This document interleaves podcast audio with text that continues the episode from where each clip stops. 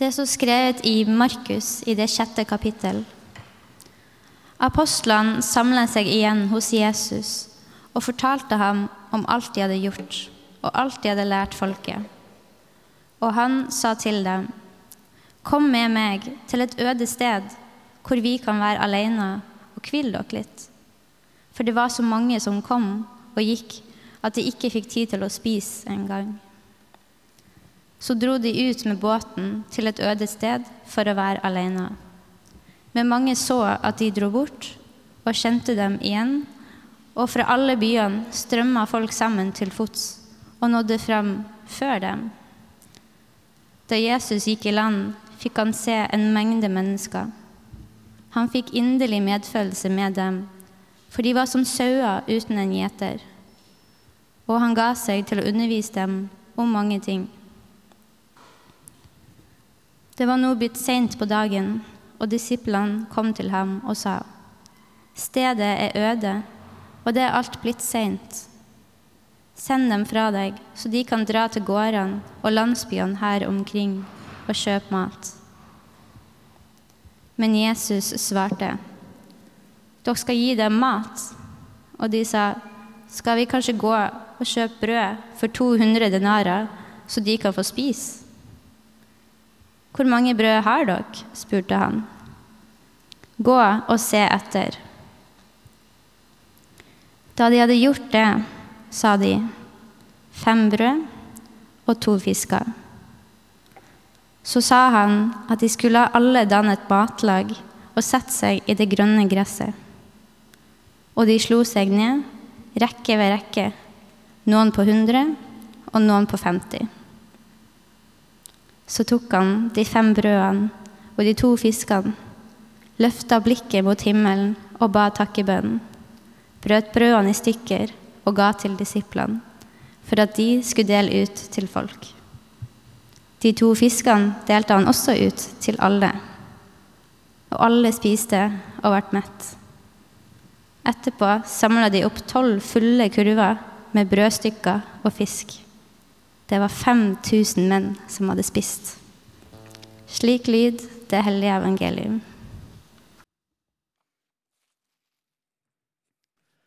De som fulgte Jesus, de ble kalt disipler. Men en gruppe av tolv var særskilt utvalgt. De var Jesus sine sendebud og ble kalt apostler. Det er de vi vanligvis omtaler som disiplene. Nå hadde Jesus sendt de ut på et oppdrag og utrustet de det han mente var tilstrekkelig. Et par sandaler. Han gir meg stav i hånde. Ja, de fikk med seg en stav. Og så fikk de luksusen av å ta med seg én kjortel. Og så ble de sendt ut. Det var det de hadde med. De skulle satse på å ta inn hos folk, og hvis det var sånn de ikke ble tatt imot, så skulle de børste støv av føttene sine og gå videre. Ett par sandaler, én kjortel, én stav. Dette er den reisen disiplene har vært på. Apostlene. De hadde helbredet, de hadde drevet ut onde ånder, de hadde forkynt. De hadde til og med rett før dette gravlagt Johannes døperen etter at han var blitt halshugget. Det må ha vært litt av en reise de hadde vært på. Jesus han er mesteren vi møter her, som er interessert i sendebudene sine. Når de kommer hjem ja, Det var ikke helt hjem de kom heller, for hjem var jo der Jesus var. Vi vet ikke helt hvor han var, men de hadde nå funnet tilbake der han var. Ofte var det Jesus som dro rundt. Nå hadde de kommet til han der han var. Og Jesus følger opp den som er i tjenesten. Jesus lytter med interesse til hva de forteller. Jeg ser for meg litt at De var så ivrige barn med alt de skulle ha å fortelle. Og Jesus er som den gode mor eller far som ja, kom barn, så må dere fortelle alt. Og så lytter de, og så legger de ut, for de har opplevd så mye. Jeg tipper de snakket i munnen på hverandre og har oppspilt det. Men Jesus han ser disiplenes ulike behov, og så viser han det vi tenker er en moderlig omsorg. For Han er opptatt vare på dem, og derfor sier han Kom med meg til et øde sted hvor vi kan være alene og hvil dere litt.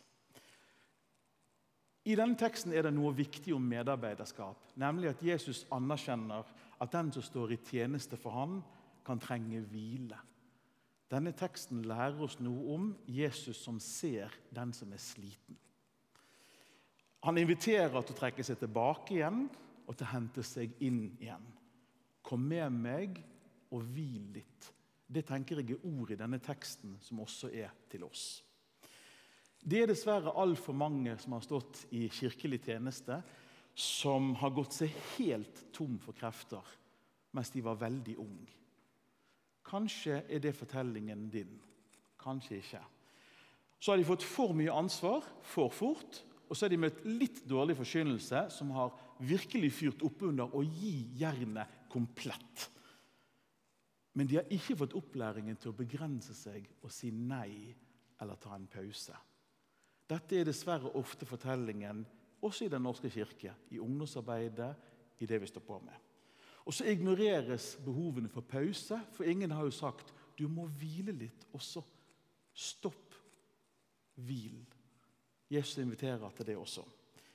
Ingen har sagt at hvile er viktig, og ikke minst man har glemt også å si hvile er ikke bare viktig, det er lov, og det er nødvendig.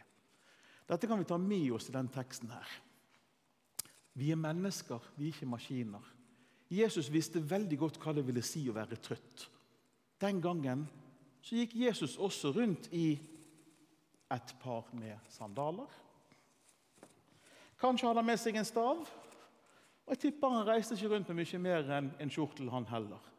Han visste hva det vil si å være, ha stein i skoen, ha vondt i ryggen, ligge ubehagelig, varmt, Jesus kan hva det vil si å være menneske. Og Det er det som gjør denne teksten god og troverdig. Kom og hvil litt. Jesus visste hva det vil si å være sliten. Det er lov å komme hit Sankt Jakob bare for å hente kraft. Bare for å sitte ned en stund og hvile. Bare for å ta imot. Det er et veldig viktig punkt i en gudstjeneste. Hvile, ta imot. Og Så kommer kanskje dagen seinere, når vi er uthvilt.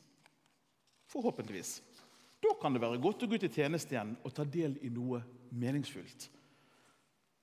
Og Hvis du trenger å hvile, og du kommer til det punktet at du er uthvilt igjen Det er massevis av oppgaver du kan gå inn i St. Jakob som meningsfulle.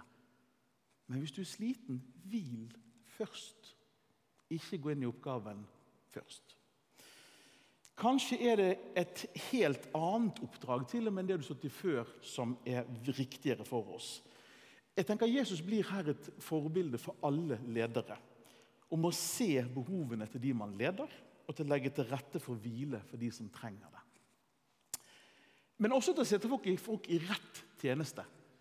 En del ganger, og det er litt sånn her òg Vi har en del ting vi må få gjort, og så er vi kanskje litt opptatt av å dytte folk inn der.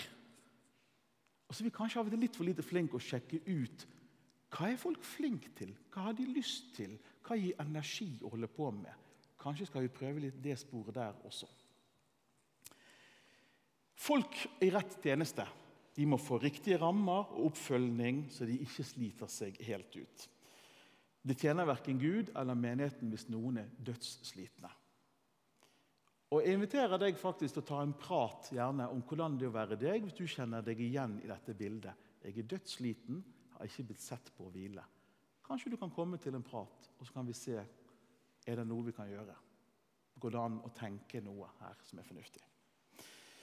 Det er mange som ser ut til å tenke at medarbeideroppfølging i overført betydning det er å gi en stav,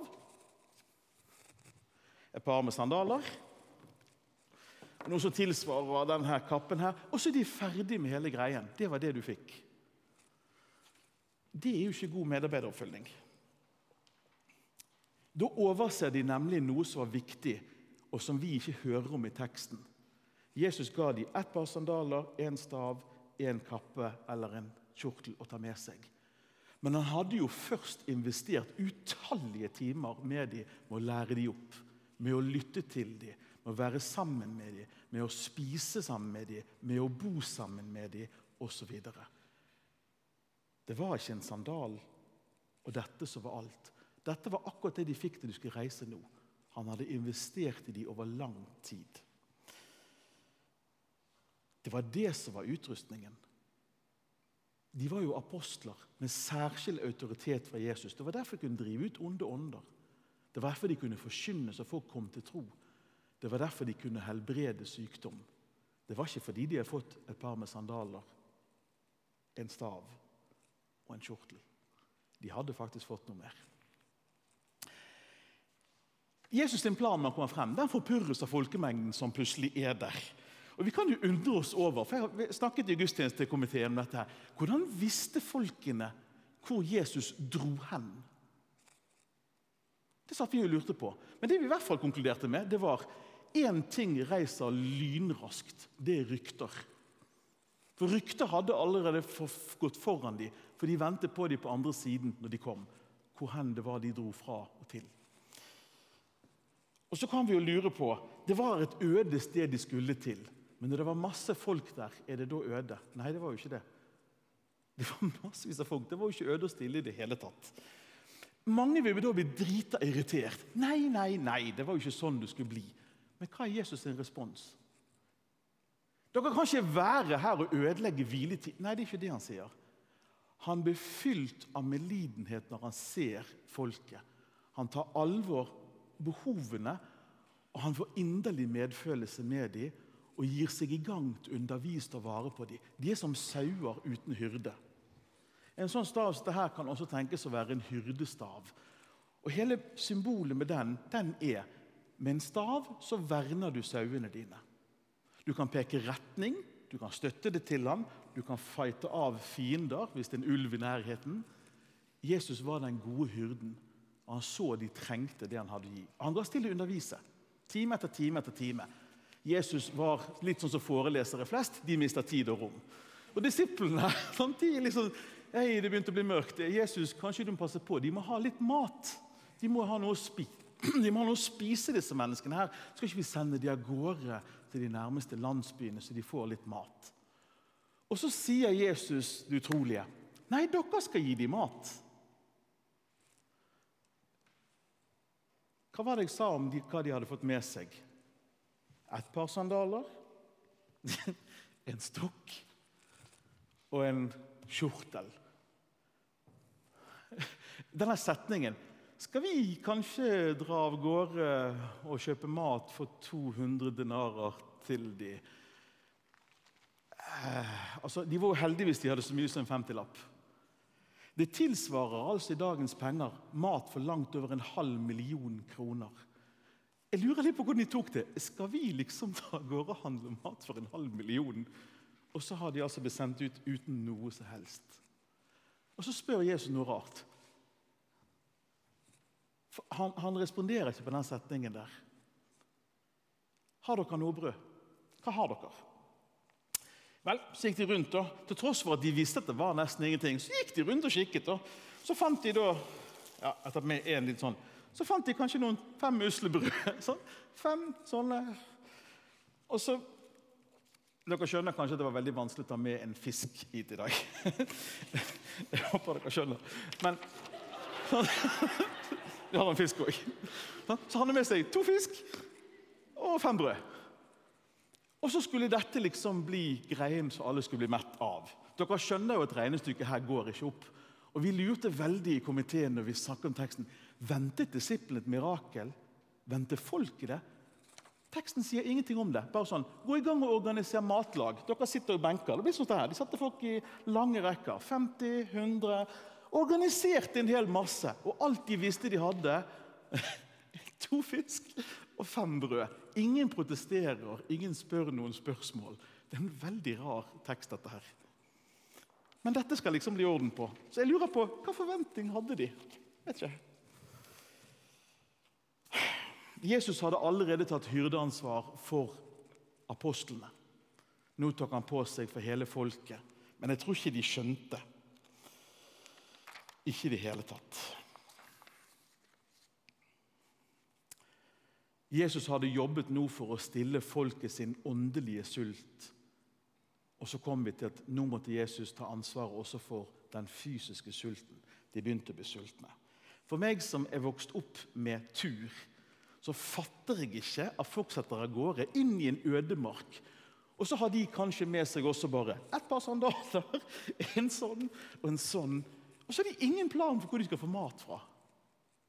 Men dette hadde folket gjort. De hadde kommet, og de hadde ingenting med seg.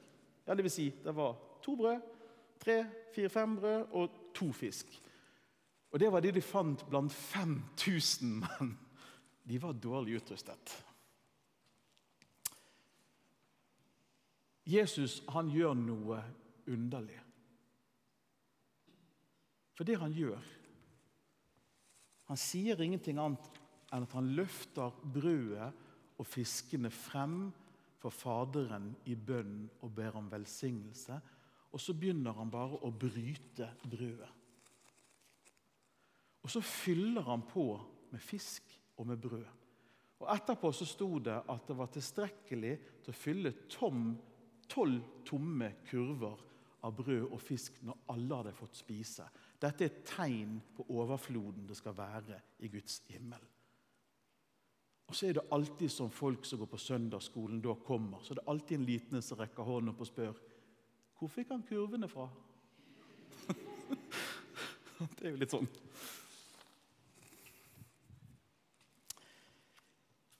Før du snakker med et menneske om Gud, snakk med Gud om det mennesket. Det er jo det eksempelet teksten viser oss. Løft tingene frem for Gud før vi gjør noe annet. Med bønn kan det umulige bli mulig. Det er det Jesus peker på for oss, tror jeg. Åpner mulighetene. Fokuserer på at noe er umulig, så forblir det umulig. Det er litt sånn logisk tanke, nesten. Men legger vi det frem for Gud i bønn, så har Gud lovet bistand. Akkurat som Jesus hjalp der og da, og som Faderen svarte Sønnen, sånn kommer Sønnen til å svare oss i bønnen. Det umulige for oss er faktisk mulig for Gud. Det er ganske utrolig. Av denne teksten her, Hva kan vi ta med oss i hverdagen vår her? Vel, For det første, jeg tenker også, i St. Jakob det handler ikke alltid om mengden ressurser. Det handler faktisk om vi kommer sammen, og så deler vi de ressursene vi har. Og Utrolig mange ganger har jeg opplevd at det har vist seg å være tilstrekkelig. Særlig der vi trodde vi skulle knekke sammen og ikke få det til. Det er et litt sånt mirakel at det sitter over 100 mennesker i salen her i dag. For det begynte ikke sånn. Vi var heldige hvis vi fikk 30 på gudstjeneste. Da var vi heldige. Det har vokst noe, for folk har delt ressursene sine. Ofte er det mer enn nok. Og underet, hva er det liksom vi ser i vår sammenheng? Der vi deler, der skapes noe nytt. Et fellesskap. Og når fellesskapet vokser, så blir det enda mer å dele. Det har vært utrolig å følge reisen i St. Jakob for å se det. Evangelieteksten kan også være Se deg ikke blind på nøden og på begrensningene, men vit at Gud kan lære oss å se muligheter blant begrensningene hvis vi begynner med hele saken og løfte det frem i bønn før vi går i gang med å gjøre noe. Jesus har akkurat som andre, eh, akkurat som i teksten her, så har Jesus evnen til å få andre til å handle. Det var Noen som husket en eh, setning som Maria har hatt i en preken i komiteen. når vi snakket. Jesus gikk på vannet én gang. Resten av tiden tok han båt. Vi kan lære å ta båt, vi også. Og så kan vi regne med Guds velsignelse og bistand i arbeidet for å gjøre en forskjell fra andre. Og Av og til så melder oppdraget og velsignelsen seg som en forstyrrelse i planene våre. Akkurat sånn som det gjorde i teksten. Jeg synes Det var så fint at det var en i komiteen som delte i gudstjenesten som delte følgende. Broderfellesskapet ITC, der har mange vært og reist til fra St. Jakob. De begynte sin ferd med å skulle finne et sted der brødrene kunne være alene. Og så plutselig bare så troppet det masse unge mennesker opp. Så tok de mest tingene sine så flyttet de vekk, for de skulle jo være alene. Så slo de seg ned et annet sted. Og så kom altså folkemengden etter unge folk og bare blei der. Og så valgte brødrene å følge Jesu eksempel ved å ta imot dem. Og så har altså dette stedet til C blitt til kraft og velsignelse og hvile for mange fordi brødrene valgte å la seg forstyrre av Guds uventede planer. Det kan faktisk skje her også. Ære være Faderen og Sønnen og Den hellige ånd, som var, er og blir en sann Gud, fra evighet og til evighet. Amen. Thank you.